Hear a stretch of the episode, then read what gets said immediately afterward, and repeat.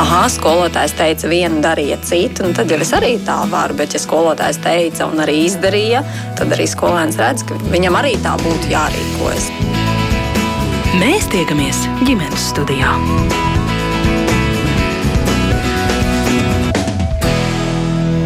Esiet sveicināti ģimenes studijā. Šodien raidījuma sarunu mēs veltīsim labdarības maratonu dod pieci šī gada tematam - vides pieejamībai cilvēkiem ar funkcionāliem traucējumiem.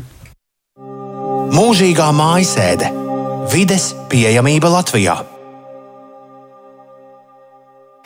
Vides pieejamība, kas lielākajai daļai sabiedrības nerada problēmas, cilvēkiem ar funkcionāliem traucējumiem ir kā nebeidzams skrējiens ar šķēršļu joslu. Un mūsu rokās ir noņemt šos šķēršļus un radīt vienlīdzīgas iespējas ikatram savu mērķu un sapņu piepildīšanai. Tā izziņojot šī gada labdarības maratonu dod pieci tematu, sacīja Ziedot LV vadītāja Rūta Dimanta. Sabiedrisko mēdīju labdarības maratons dod pieci šogad izcels vīdes pieejamības problemātiku cilvēkiem ar funkcionāliem traucējumiem, aicinot sabiedrību ieraudzīt to cilvēku ikdienu, kas ir saskārušies gan ar redzes, gan dzirdes, gan kustību traucējumiem, un maratona laikā saziedotie līdzekļi caur ziedot LV tiks novirzīti līdz cilvēku atbalstam, gan pandus un pacēlā ierīkošanai, cilvēku dzīves vietu labiekārtošanai, tostarp arī tehnisko palīgu līdzekļu iegādē un arī citām vajadzībām, kas ir saistītas ar vīdes pieejamības uzlabošanu ārpus publiskās infrastruktūras. Un šajā gadā sabiedriskie mēdīji uzsvērs ik vienas personas tiesības uz iespējami patstāvīgu dzīvi. Šī raidījuma producente ir Ilza Zvaigzne, pie pulca ir Kristaps Briedz, bet studijā šeit pie mikrofona šai stundā būšu es Agnese Drunka, un mēs, kā jau ģimenes studija, mēs pirmajā diskusijā pievērsīsim uzmanību izglītības iestādēm, tostarp arī interešu izglītībai un to pieejamībai. Un sarunai par šo tēmu mēs šeit studijā esam aicinājuši apvienības apērons valdes pārstāvi Ivaru Balodi. Sveicināti, Ivar! Labdien! Un studijā ir arī mamma Jana Krūmiņa. Sveicināti, Jana! Labdien! Un uh, attālināti šai sarunā mums piedalās Cēsu otrās pamatskolas direktore Ija Brammani. Sveicināti, Ija! Labdien! Nu, tie Labklājības ministrijas publicētie dati liecina, ka Latvijā ar invaliditāti sadzīvo katrs desmitais, ja vairāk tie ir, tie ir vairāk nekā 203 tūkstoši cilvēku, un tad tur ir dažādas tās um, tie, traucējumi, gan ierobežotas pārvietošanās spējas, to ir visvairāk 36,000, gan arī 3,000 dzirdes traucējumu, 10,000 uh, redzes traucējumu. Un, protams, uh, iespējams, ka tas patiesais skaits ir vēl lielāks, un turklāt katru gadu cilvēku skaitam ar funkcionālajiem traucējumiem ir tendence pieaugt, tikpēr tā vides pieejamība, to starp publisko ēku un infrastruktūras pielāgošana ir kritiski zema. Labklājības ministrijas pētījumā ir secināts, ka cilvēkiem ar funkcionāliem traucējumiem traucējumiem ir pieejama tikai 8% valsts vai pašvaldību institūciju ēku, un vidas pieejamība nav nodrošināta 80% sporta būvju un diviem, divām trešdaļām publisko pasākumu zālēs.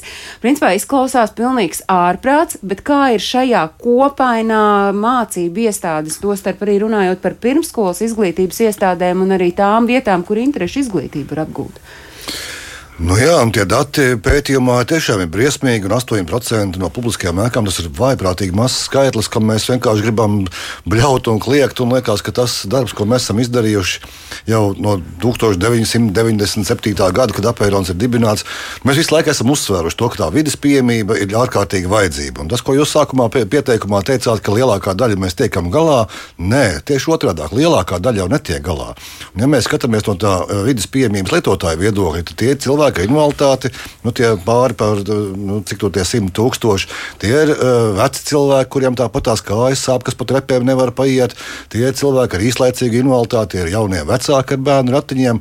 Un, ja mēs tā saskaitām visus šos cilvēkus kopā, tie ir vairāk kā 85% sabiedrības, kuriem vidas pieejamība nu, patiesībā sakot ir izšķiroša. Un, uh, to, Kā rezultātā mēs arī šajā maratonā gribam nedaudz uzsvērt to, ka novirzīt to akcentu no tā, ka tā vidas pieejamība ļoti vajadzīga ir vienam Tikai kaut kādai konkrētai cilvēku grupai. Tieši tā, tā ir vajadzīga mums visiem, lai mēs visi ērti justos. Kā, kā kāds arhitekts teica, ka cilvēkam jāpārvietojās pa horizontālu virsmu, mašīnas var braukāt šurpu turpu, bet nu, cilvēkam vis, visērtāk ir vienkārši šī horizontālā plakne, kurā ir viegli pārvietoties bez šķēršļiem un bez, nekā, bez nekādiem aizkavējumiem. Un, ja runājam par invaliditāti, tad savukārt tā, tas, ko mēs esam ievērojuši, tā vidas pieejamība vai nu to invaliditāti palielina tev Un, piemēram, ja tu esi ratiņkrēslā un tu nevari kaut kur iekļūt, tev vajag lūgt palīdzību, tev vajag uh, ķert kādu cilvēku pie rokas, tev vajag dot savu bankas karti, lai tu piekļūtu pie bankomāta. Tu nevari nopirkt to, ko tu gribi, jo tu nevari uh, nevar to ieiet tajā veikalā iekšā, un tu nevari mācīties tur, kur tu gribi, jo tā skola, piemēram, tev nav pieejama. Tev ir jāiegūst tāda izglītība, kas ir tev pieejama, nevis tāda, kur tu vēlētos. Nu, kā rezultātā zaudētāji nepieejamajā vidē ir visa sabiedrība kopumā. Tā nav tikai viena vai divu invalīdu iegriba. Tā ir visa sabiedrības normāla vajadzība, pieejama, droša vide, kurā ik viens cilvēks jūtās labi. Neatkarīgi un pastāvīgi. Tie ir divi atslēgas vārdi, pie kuriem arī mēs apēronā mēģinām pieturēties. To vidi Tu vari nedaudz būt kaut kādas atkāpes, varbūt, ka tiešām pandus ir nedaudz slīpāks, bet lai tu viņu varētu pastāvīgi izmantot un lai tu neatkarīgi uztos. Ļoti svarīgi divas šīs lietas ir. Nu, un, ja mēs skatāmies uz mācību iestādēm, nu, cik, ko vispār, ja mēs skatāmies uz mācību iestādi, nozīmē pieejama?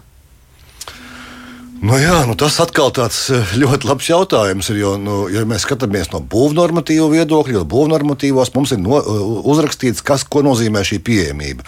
Un uz būvnormatīvu pamata mums ir vesels kaudzes, vairāk kilogramu ar vadlīnijām, kuras nosaka centimetrus, grādus un vēl nezinu kādas lietas. Bet, bet patiesībā sakot, tā pieejamība nozīmē tieši to, ka ja eh, tas lietotājs, kas ir aizgājis, bērniņš, nezinu, omīte, kur ir vecāka vai, vai, vai mamma, kura pārvietojās ratiņkrēslā, ja viņa jūtās tur labi labi, viņai palīdzība nav jāprasa, tad viss ir kārtībā. Bet, eh, ja, ja skatās no tādām tehniskām lietām, protams, ka tās ir gan, lai tu varētu iekļūt eh, pašā ēkā, lai tu varētu no, novietot mašīnu, kur tu vari droši attaisīt durvis, ja tev ratiņkrēslā aiz un, un, un iekāpt eh, iekšā šajā mašīnā un izkāpt ārā. Tās ir durvis, veitveris, ieeja, ģērbtuves, nu viss, viss, viss kur, kur ikvienam bērnam vajag būt, tur arī šai, šai piemībai ir jābūt nodrošinātai tā, lai tu varētu iekļūt iekšā. Mēs ļoti daudz esam saskārušies ar tādām situācijām, kad it kā mums viss ir pieejams, bet, nu, jā, nu, tolets mums nav. Nu, jā, nu, mums ģērbtuve ir pagrabstāvā, bet aktu zālē trešajā stāvā. Bet tad jau jūs varat nevis caur kā visi bērni, bet caur skolotāju istabu kaut kur tur iziet, pa, pa, pa, pa sētas durvīm kaut kā iekļūt iekšā. Nu, tā nav laba praksa. Atkal mēs kaut kā mēģinām izšķirt vēl kaut ko un, un savādākus ceļus parādīt, ka viena bērniet tur, citi tur. Tā nav pieejamība. Jā, bet mēs tagad skatāmies, mēs par to vidas pieejamību varētu runāt, tad, ja tagad mums būtu pēdējo gadu laikā, uh, mēs būtu sacēluši jaunas skolas un varētu, jo skaidrs, ka šobrīd par mācību iestādēm runājot, mēs runājam par, mā, par, par ēkām, kas ir jāpielāgo. Jā, bet eh, ja mēs paskatāmies tādā pasaules praksē, un, un eh, nezinu, it, eh, kolizējas Itālijā, kas tomēr ir vairākus tūkstošus gadus vecs, viņš ir pilnībā pieejams. Ļoti daudz muzeju vai, vai publiskās tādas nozīmīgas telpas, ļoti kultūra vēsturiskas pasaulē, viņas visas ir pieejamas. Tā ir viena no, tāpēc ka arī tas turisms ļoti lielā balst, mērā balstās uz to, ka. Nu, ir, ir vācu pensionāri, kuri, kuri brauc pa visu pasauli apkārt, un viņiem tā pieejamība ir izšķiroša. Nu, mēs ka, tur tādu uzmanību pievēršam. Mēs... Ja mācību iestādē mēs turistus negaidām, tāpēc kāda jēga tur ir iespringa. Jā, tur jau tie mūsu bērniņi, mēs viņus ievilksim, iestumsim, pagrūdīsim, aizstumsim, kur vajag, un viss būs kārtībā. Nu, nē, man jau liekas, ka tieši vajag domāt par tiem mūsu bērniem, par mūsu cilvēkiem, par mūsu sabiedrību pirmām kārtām un pielāgot tās vietas, kuras ir pielāgojamas. Un principā visu var pielāgot. Un, ja mēs varam izdomāt pasaulē, ka cilvēki var dzīvot kosmosā jau mēnešiem ilgi, gadiem ilgi, tad viena skola pie, pie, pielāgot, viņu izveidot pieejamu, man liekas, ka tas ir nu, pavisam vienkārši. Ja ir vēlme, griba un sapratne par to, ka, kāpēc tas ir jādara. Jautājums Ijai, Ija, jūsu skola. Es saprotu, ir pieejama. Jūsu skola ir pieejama cilvēkiem ar funkcionāliem traucējumiem. Ko tas nozīmē? Nu jā, mēs laikam esam to 8% skaitā, kura ir pieejama cilvēkiem ar funkcionāliem traucējumiem. Eh, skolas ēka ir, ir samērā jauna ēka un nodota eksploatācijā 2006. gadā.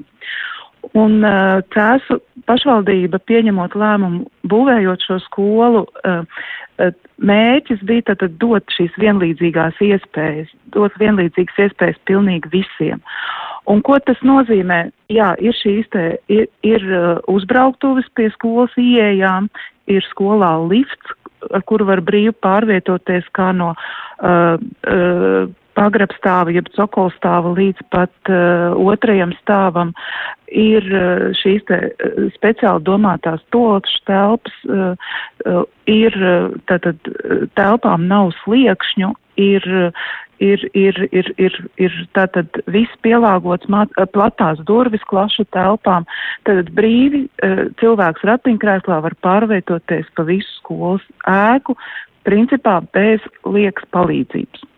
Tātad tas jūsu ieguvums ir tāds, ka pašvaldībai jau bija mērķis šo skolu ceļot, Jā. padarīt to pieejamu. Vai jums, kā skolas direktorai, nu tagad es uh, lūkšu tā kā mm -hmm. pamodelēt, būtu iespējams tieši to pašu, ko jūs tagad stāstāt, stāstīt arī par skolu, ja jūs būtu direktori skolā, kas ir celta, nu nezinu, 60. gados, vai, vai varbūt iespējams vispār Latvijas laika ēka būtu mm -hmm. pielāgota skolai? Nu, manuprāt, runājot par vidas pieejamību, mēs varam jebkurā ēkā ielikt visu, visu labāko. Un, kā teica uh, apērons pārstāvs, jā, jebkuru ēku var pielāgot, bet blakus uh, vis, vis, visā, visām pielāgojamībām mums noteikti ir jārunā arī par attieksmi. Jo, ja ja ēkā būs visas ekstras un, un, un, un viss iespējams, uh, ir ļoti svarīga šī attieksme, attieksme pret cilvēku, kurš ratiņkrēslā iebrauc jebkurā iestādē. Un tā ir tā blakus faktors, par ko noteikti ir jārunā. Vai ir dežurants, kas saņem, saņem šo cilvēku, sagaida šo cilvēku atbalstoši, palīdzoši, vai pārējā mēs, e, sabiedrība, kas esam šajā ēkā, esam atbalstoši, pretīm nākoši un, uh, un dodam šo te uh, vienlīdzīgo līdzās pastāvēšanu. Manuprāt, svarīgi runāt arī vienlīdz par vidas pieejamību, arī par attieksmi. Vai mēs varētu teikt, ka reizēm nu, ar šo vides pieejamības kaut kādiem trūkumiem attieksme var to labot, kā jums šķiet? Uh, videi, kā, kā jau sarunas sākumā tika minēts par to, ka videi jābūt pieejamai pilnīgi visiem. Arī man, kas pārvietojas soļos kājām, ir jābūt šai videi tik pieejamai, lai man ir ērti palīdzēt. Uh, noteikti, noteikti manuprāt, ir ļoti būtiski sarunāties, sarunāties ar cilvēku ratiņkrēslā par to, kā, kas ir nepieciešams, kas ir tas, kā viņš redz šo, šo, šo pielāgojumību un kas ir nepieciešams iekārtot, kā palīdzēt. Kas ir tās piktogrammas, kas ir nepieciešams, kā, kā, kādi vēl palīgi līdzekļi nepieciešami. Manuprāt, ir svarīgi nevis es iedomājos, kā to vajag, bet sarunas, sarunāties ar cilvēku, kam mēs to domājam, iekārtot šo vidi. Ja, ja mēs mirklī vēlāk atkal jūs noteikti iesaistīsim sarunā, jo šobrīd es gribu mūsu sarunā iesaistīt Janu. Jana ir mamma, kura, es laikam pareizi saprotu, ir izcīnījusi to, ka jūsu bērns mācās eh, vispār izglītojošā skolā. Tā ir cīņa, tā nav?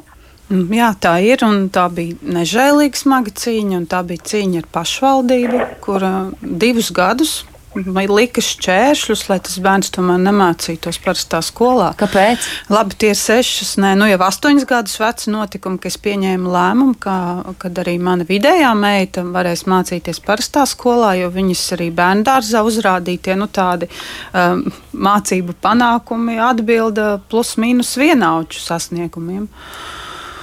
Un, un, un tad divus gadus pirms viņa sāk iet skolā, es uzsāku tādu sākumā apjautāju rajonu skolas. Gan skola, kas bija pēc pieraksta manam bērnam, gan arī geogrāfiski tuvākās. Un, Un tad jau es saskāros ar tādu ļoti noraidošu attieksmi, vai, vai bija skola, kur bija kā gatava man runāt, bet es redzēju, cik viņi ir ļoti nobijušies, jo skola bija kā reiz tajā brīdī kaut kādā rekonstrukcijas procesā, un es droši vien nojauktu tur kaut kādas lietas un izjauktu lietu kārtību un terminus, termiņus, lai viņi pabeigtu to skolu. Bet, nu, satiekot konkrētās skolas direktori, viņa neteica nē, un kaut kā mums tās sarunas aizgāja, bet lielās problēmas sākās tad, kad es jau griezos pašvaldībā un teicu, re, kur skola ir, skola grib, ko mēs varam izdarīt, lai mēs pielāgotu vidi. Nu, kādi bija tie paš, pašvaldības um, argumenti? Pašvaldība. Kas bija tas, kas viņiem likās nu, neiespējams vai neizdarāms? Un vispār, ko vajadzēja paveikt? Uh, nu, viņi uzskatīja, ka šādiem bērniem, kā manai meitai, neskatoties uz to, ka jau tajā laikā bija likums par iekļaujošo izglītību, bija skolas asistenti, bija jau lietas nodrošināts.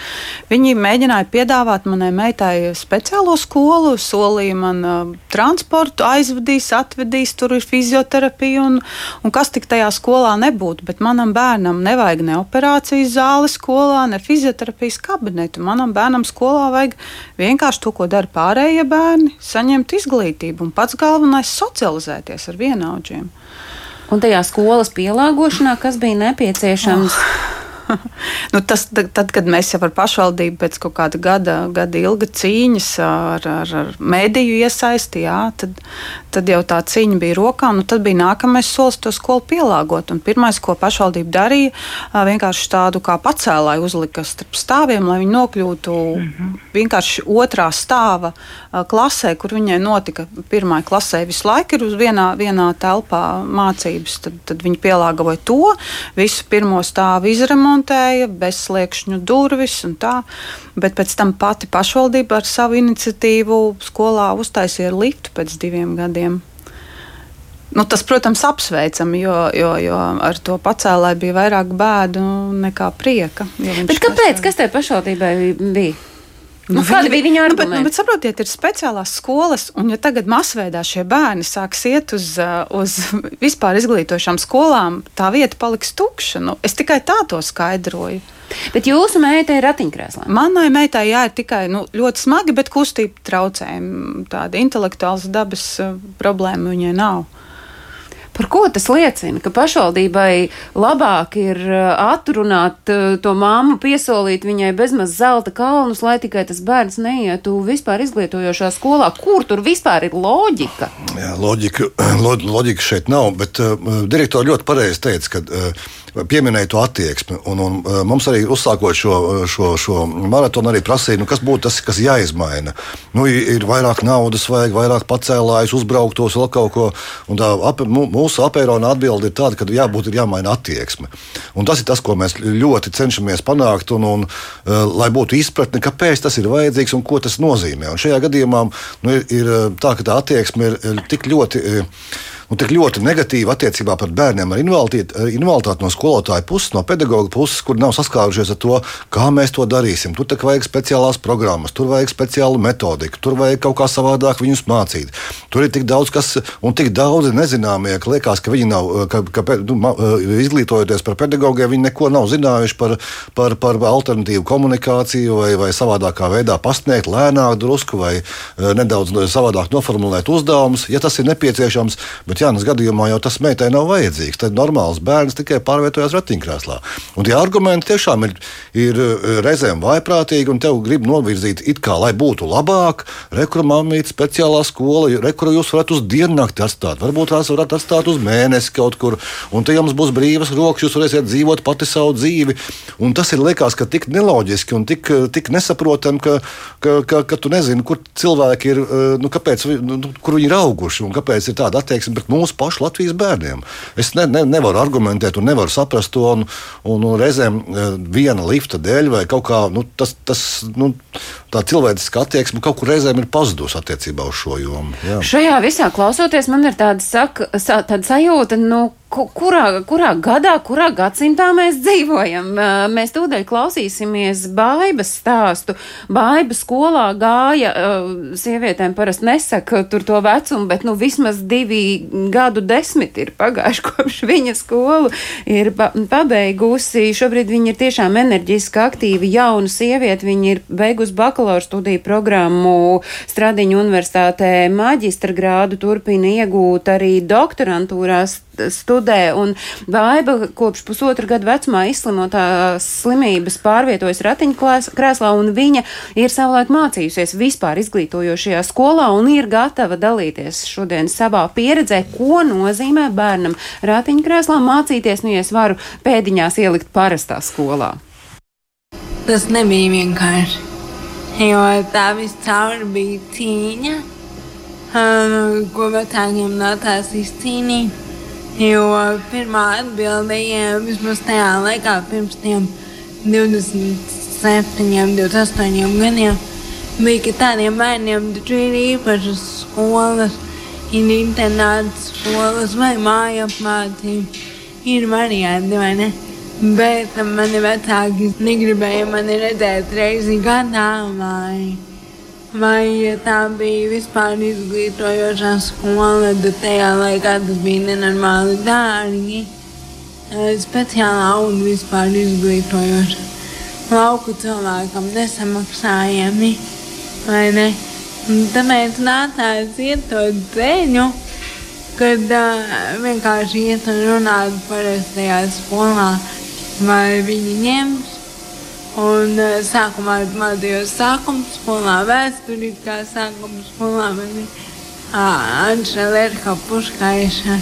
Tajā laikā mana mamma tur strādāja, un viņa varēja būt arī mans asistents. Un tālāk jau, jau pamatskolā. Mēs arī atkal jau izvēlējāmies blakus ciemā skolu, nevis māju mācību, ko piedāvāja pagasts, jo pagasts skola nebija pielāgota. Vide nebija, vai ne? Kur es varētu būt? Tad alternatīva mājas, mājmācības, ko mēs teicām, nē, jo atkal jau mēs vienmēr zinājām, ka tas ceļš vedīs tālāk. Un viņam ir jāved tālāk. Tātad tavi vecāki izvēlējās, lai tu mācītos vispār izglītojošā skolā, parastā maza ciema skolā, kurā noteikti tu biji uz to brīdi vienīgais bērns ar īpašām vajadzībām. Tu biji vienīgais cilvēks, kuram bija tā vide jāpielāgo. Kā tas notika? Jā, nenotika ļoti daudz atkal jautāja, ir bijis personā mūsu pielāgošanās, vai ne? Ja sākuma skolā mamma pildīja asistenta funkciju, tad jau pamatskolā mana vienīgā privilēģija bija doties skolotāju labienīcībās, kuras bija mazāk apmeklētas. Bet tajā laikā nekāda speciālā vidas pielāgošana nenotika jo tajā skolā, kurā es gāju, tā ir zemgājas vidusskola. Tur jau automātiski tā bija pielāgota. Tādā ziņā, ka vienkārši arhitektoniski viņa visam bija vienā stāvā. Un līdz ar to nekāda īpašā pielāgošana nebija nepieciešama. Tur nebija nekādu pakāpienu, nekādu slieksnīšu, nekādu kāpieniņu. Vai tas bija viens no iemesliem, kāpēc tavi vecāki izvēlējās tieši šo vidusskolu? Tas, tas bija viens no iemesliem, jā, jo, jo tajā varēja iekļūt fiziski. Un tā bija tuvākā mums sasniedzamā skola. Ieņemot pagastu skolu, kura nebija gatava tajā laikā uh, pielāgoties. Bet skolai un skolotājiem tolaik bija jāpielāgojas. Kā tu toreiz pati jūties, kā tomēr tāda vienīgā skolniece? Ha. Protams, dažādi. Bija labās dienas, bija dienas, kad es negribēju iet uz skolu, jo vienkārši arī bērni mēdz būt nežēlīgi iezīmējot atšķiri, atšķirību. Bet no skolotāju puses, no skolas vadības puses, bija ļoti liela pretīm nākšana. Ja jāsalīdzina to laiku un pēc tam tavi studiju gadi, kad tu pat uh, viena pati esi devusies studēt uz ārzemēm, uh, ir mainījusies tā vides pieejamība, ja mēs runājam tieši par mācību iestādēm, vai tev ir bijusi tā iespēja tagad salīdzināt? Tā skola, kurā es mācījos laukos, tagad viņa tā ir vēl pielāgotāka. Un cik es zinu, tur ir bijuši vēl bērniņi ar invaliditāti. Bet, piemēram, Rīgā mācoties 66. skolā, tā jau tajā laikā bija pielāgota. Protams, ir skolas, kuras kļūst pielāgotākas, kuras ir gatavas atvērties sevišķi Rīgā.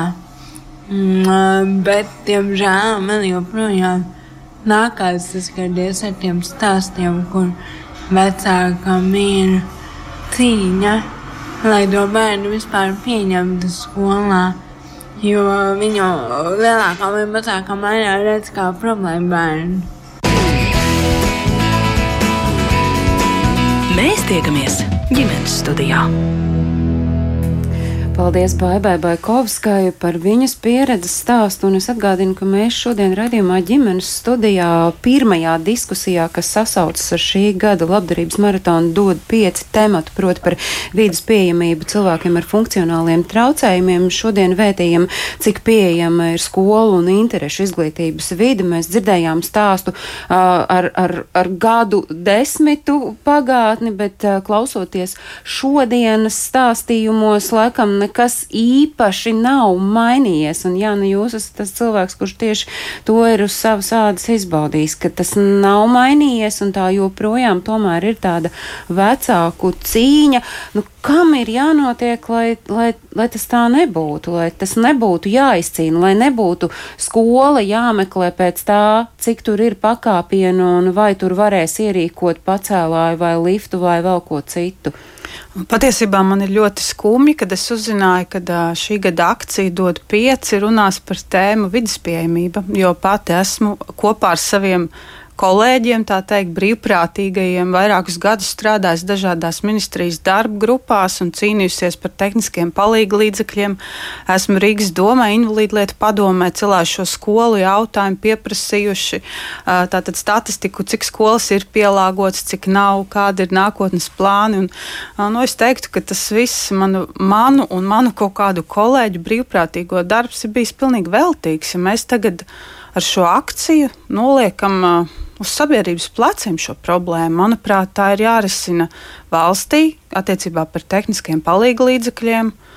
Un, un pašvaldībām, kas attiecās par vidas pieejamību skolās. Tur nevajadzētu būt kaut kādu um, māmu aktīvistu vai nu, ģimeņu tas jau ir ģimene parasti, vai ne? Ne jau viena mamma skrien cīnīties ģimeņu kaut kādai iniciatīvai par konkrētu skolas vidas pieejamību. Tā būtu jābūt pašvaldības kaut kādai plānošanai.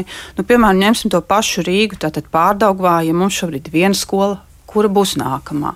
Centrā mums ir pāris elitāras skolas pielāgotas, bet tur šādi bērni nemācās. Un tādiem žēl ir. Nu, kā tas nu, ir atkarīgs, jā. vai bērni iet uz skolu, vai tomēr izvēlas tos citus risinājumus? Nu, vecāki visbiežāk ir. Nu, vecāki izdara pieņem. to izvēli, un tad, uh, izējot no savas geogrāfiskās vietas, no cīņas, parasti dodas kaujā. Man ir zināms ģimenes, kuras ir nolaidušas spārnus, laiž bērnu tuvākajā skolā un paši nes to bērnu katru dienu augšā lejā. Šobrīd ir pirmā klase, un es saku, bet tas bērns čauks, kā, kas būs tālāk. Ne jau katram vecākam ir, ir, ir enerģija un vēlme cīnīties, vai arī vest to bērnu uz citu Rīgas galu. Tas arī prasa laiku, līdzekļus un, un, un spēku. Mēs ar Bābu runājot, tur mazliet ieskicēja, viņa, viņai ir tā sajūta, ka galvaspilsēta ir labākā situācijā nekā provinces skolas. Klausoties Janā, man ir tā sajūta, ka arī galvaspilsētā ir bēdu leja un iespējams tādā ārpus Rīgas skolā ir vienkāršāk šos risinājumus meklēt.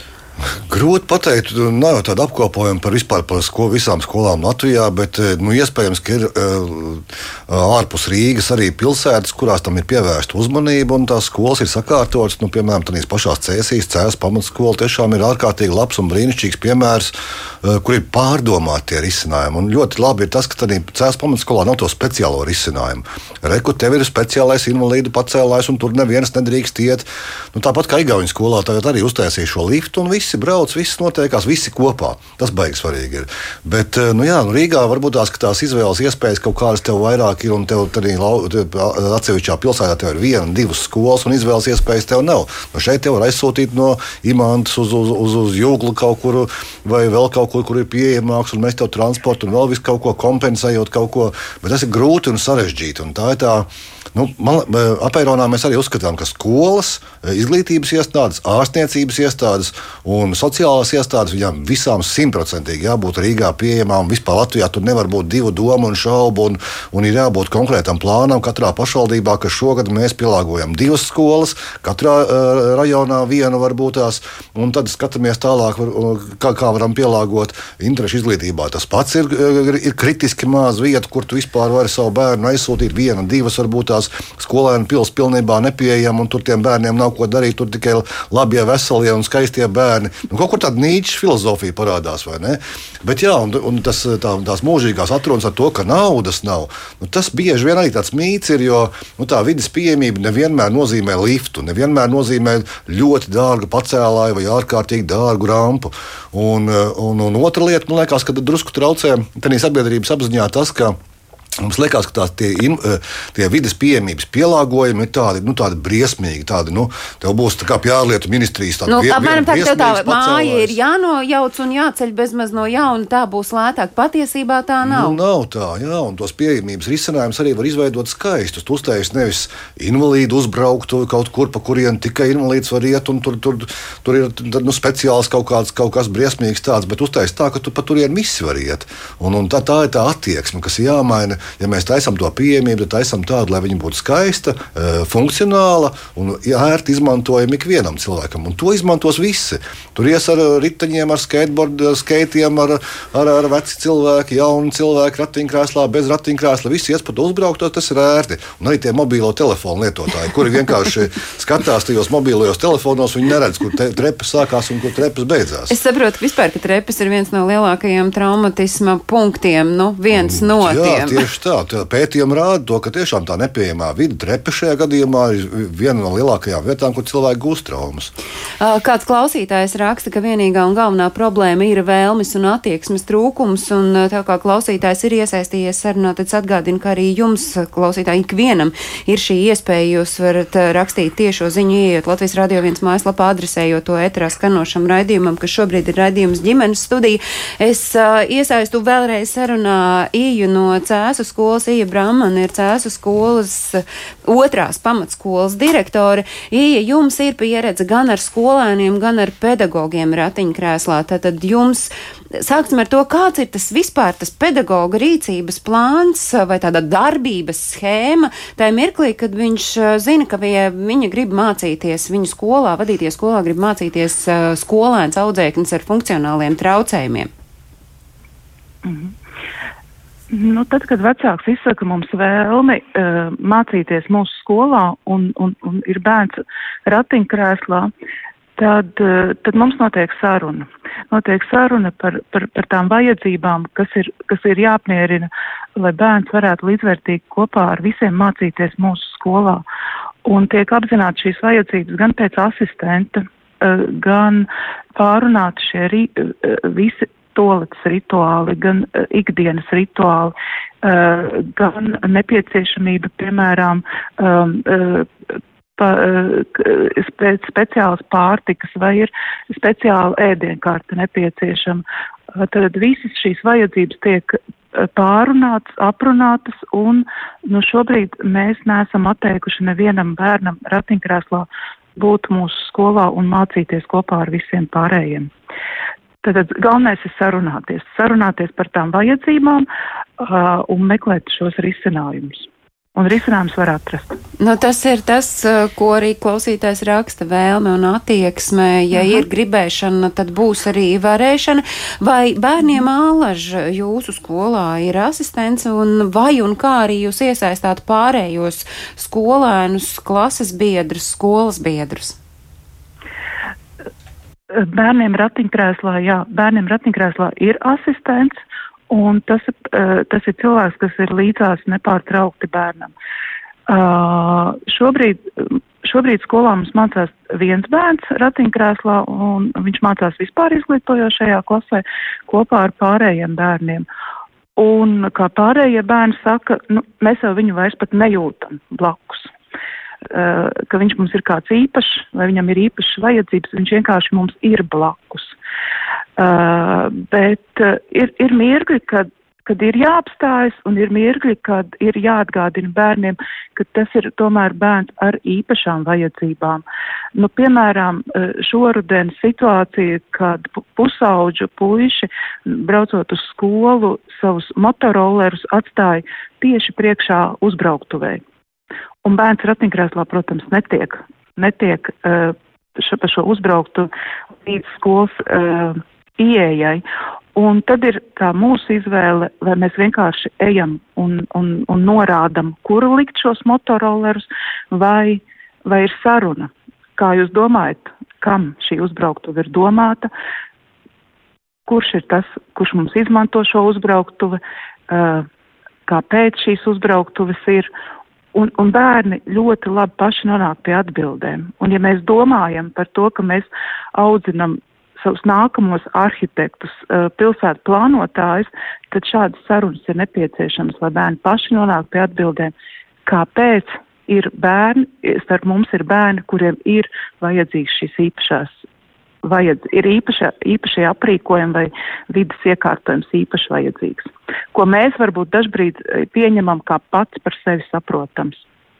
Kā savukārt, Jāni, jūsu bērnam skolā, vai arī ir bijusi nu, šī patiesībā apkārtējo klases biedru, skolas biedru izglītošanās un tā izpratnes veidošanās, lai nākotnē mēs nerunātu par to, par ko mēs šodien šeit runājam? Nu jā, man meita mācās salīdzinoši mazā skolā Rīgā, tā ir 200 tikai bērnu skolā, un, un es esmu ļoti priecīga un, un pateicīga vispirmkārt tām ģimenēm, no kurienes nāk šie bērni, jo tā attieksme ir ļoti laba. Un tas jau bija aizsākums arī bērnu dārzā, kur daudz klases biedri vai skolas biedri jau nāk no bērnu dārza gaitām. Un, un arī tur bija ļoti iekļaujoši. Un, nu jā, tur mums ir veiksmes stāsts, bet turbūt tas ir tāpēc, ka nu, kā tu pacēji kā tas bērns iet ar, ar kādu mm. smaidu un tādu pozitīvu noskaņojumu, tā arī pretīm. Bet, protams, tur arī pedagoga darbs, nu, tas skaidrojošais, ka viņi mēģina ka, sadraudzināt visus. Bet arī lielo, lielo bērnu, tādu pusauģu palīdzību es esmu piedzīvojis vairāk kārt. Nav tikai tā, ka tie klases biedri ir tie atbalstošie. Un tā jau ir tā, nu, tā vide, kas veidojās, tā iekļaujošā. Kāda visticamāk pedagoģi ir atrakstījusi, ka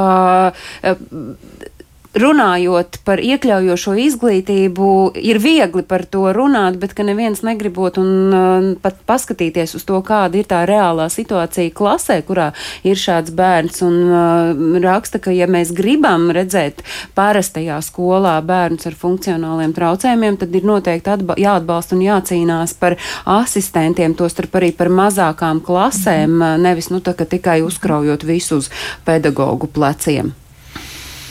Uh, jā, droši vien. Uh, Nu, te, te atkal mēs runājam par to iekļaujošu izglītību, un tās invaliditāte mēdz būt dažādi. Tiešām ir ļoti smagi intelektuālās attīstības traucējumi, un tas bērns uh, varētu uh, būt nemierīgs vai savādāks, un, un, un viņam droši vien varbūt ne visās klasēs vajadzētu būt. Un tā iekļaujoša izglītība ir vairāki tādi līmeņi. Ir, uh, ir atsevišķas klases parastā skolā, kur, kur bērni ļoti, ļoti smagi invaliditāti tiešām mācās. Ir speciālās skolas, kur bērni mācās, un ir bērni, kuri var mācīties parastā skolā, parastā klasē klasē. Un, un tad, eh, tad, tad, izvērtējot šos visus apstākļus, mēs runājam tikai runāt par to iekļaujošo izglītību. Nevar bērnu ar ļoti, ļoti smagu invaliditāti ielikt parastā klasē un nelikties par to nezinis. Absolūti tā nedrīkst darīt. Un es domāju, nu, pedagogiem ir jāizprot, jāzina un jāmāk ar, tā, ar šīm lietām eh, strādāt un sadarboties.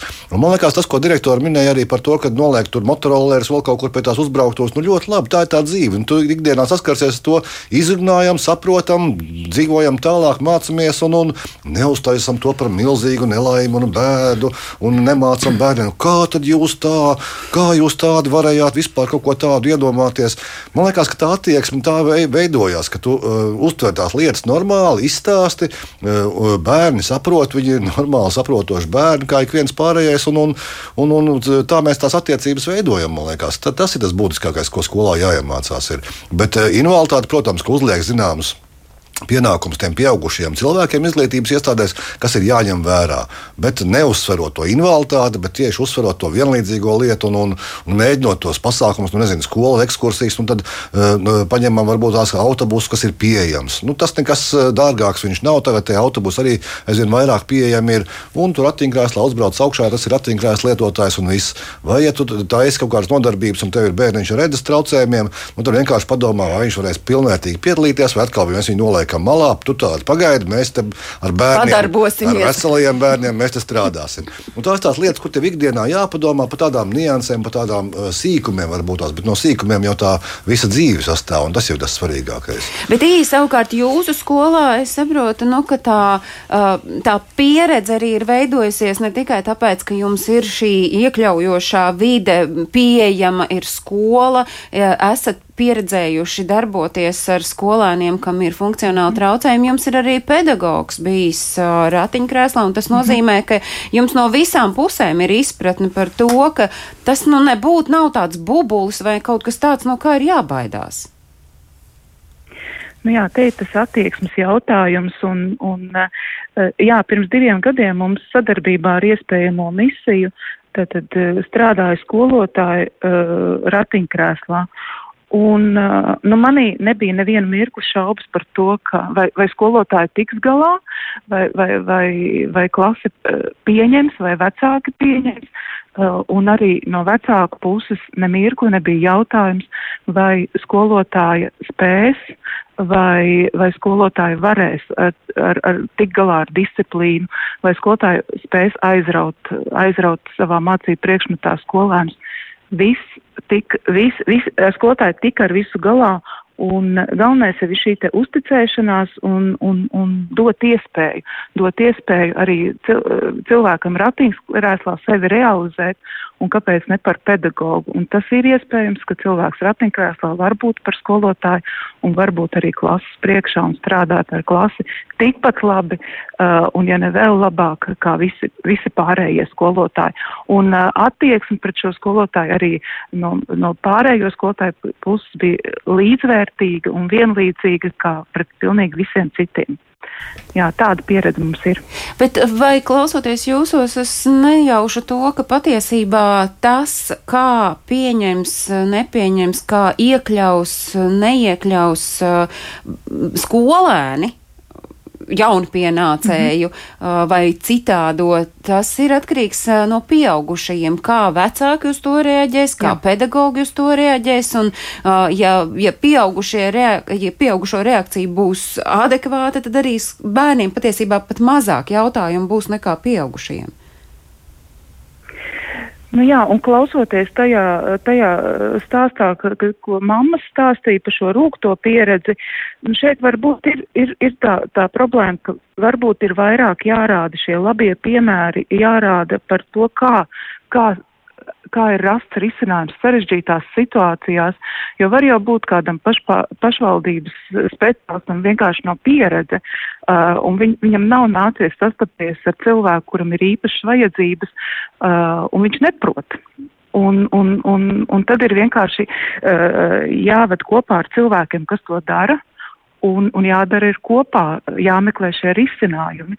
Uh, jo man ļoti negribētos, ka mēs tagad uh, ieslīgtu kāda vainīgā meklēšanā, bet mēs meklētu šos risinājumus, kā, kā iziet no situācijas, kā radīt šo vienlīdzīgo vidi. Un, un, un te jau jūs minējāt, ka nav apkopojumu par skolām par šo vidas pieejamību, varbūt tas ir tas, tas mirklis, kad ir jā, jāveido tāda uh, informatīva datu bāze par, par to, kā, kāda, kāda, kāda situācija ir skolās, un tad varbūt skolas direktors vai pašvaldības pārstāvis, kuram nav skolā šī vide izveidot pieejama visiem, tad, tad viņš brauc uz skolu, kur ir, un, un, un, un skatās šos piemērus. Varbūt tā. Runājot par cēsīm un interešu izglītību, mēs jau te mazliet ieskicējām, mm -hmm. kā tas ir eh, cēsīs, vai jūsu skolā, piemēram, bērniem ar eh, funkcionāliem mm -hmm. traucējumiem ir arī pieejama šī interešu izglītība, un tad kāda ir tā situācija cēsīs vispār? Mm -hmm. Nu, šobrīd ir tā, ka uh, mūsu skolā bērniem, uh, ja viņam ir vēlme, viņš var apmeklēt uh, interešu izglītības nodarbības, un tās arī tiek apmeklētas, piemēram, kā kokapstrāde, kā uh, keramika vai programmēšanas nodarbības. Uh, tās ir iespējams apmeklēt. Uh, pie bērniem arī mums, mēs nodrošinām kanisterapiju uh, un arī ārstniecisko vingrošanu. Tas ir tas, ko mēs skolā nodrošinām. Ārpus skolas ir iespēja doties arī uz mākslas skolu un tur apgūt nodarbības, kā arī uz uh, tās bērnu jauniešu centru.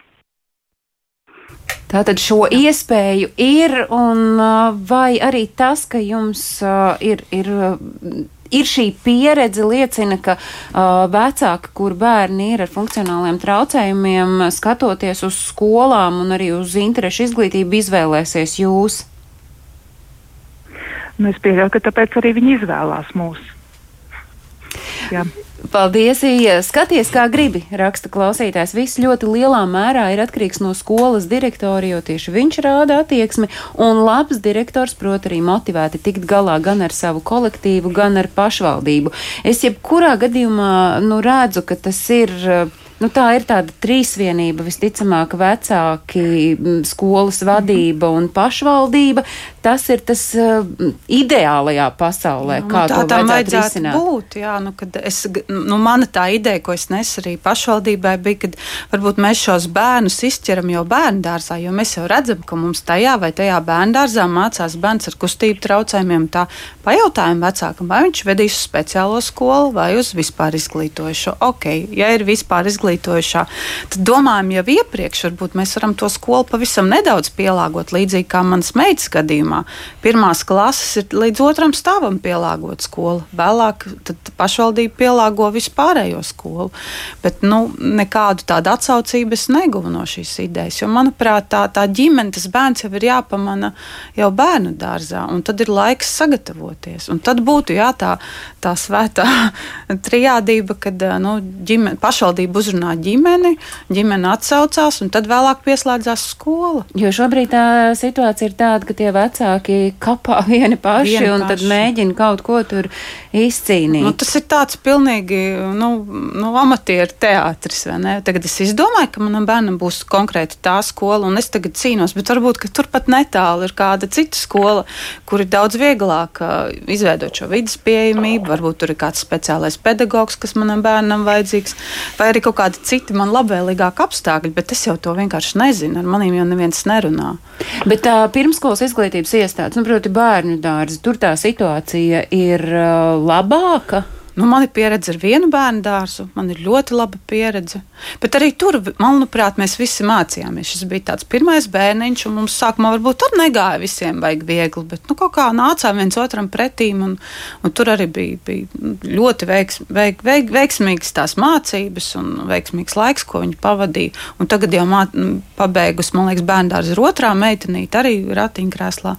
Un tad ir tāds prieks, ka tur, nu, tas ir aizgājis. Bet tur jau tā vide bija pielāgota. Viņa jau bija pielāgota, jā. Bet es to nemaz nezināju, tad, kad es sāku laist pārējos bērnus. Nu, vecākā meitiņa saka, iet tur bērngārzā, es to nemaz nezināju. Tas vienkārši mums kaut kā paveicās. Es nezinu, kas būtu bijis tad, ja tas bērngārs nebūtu bijis pieejams.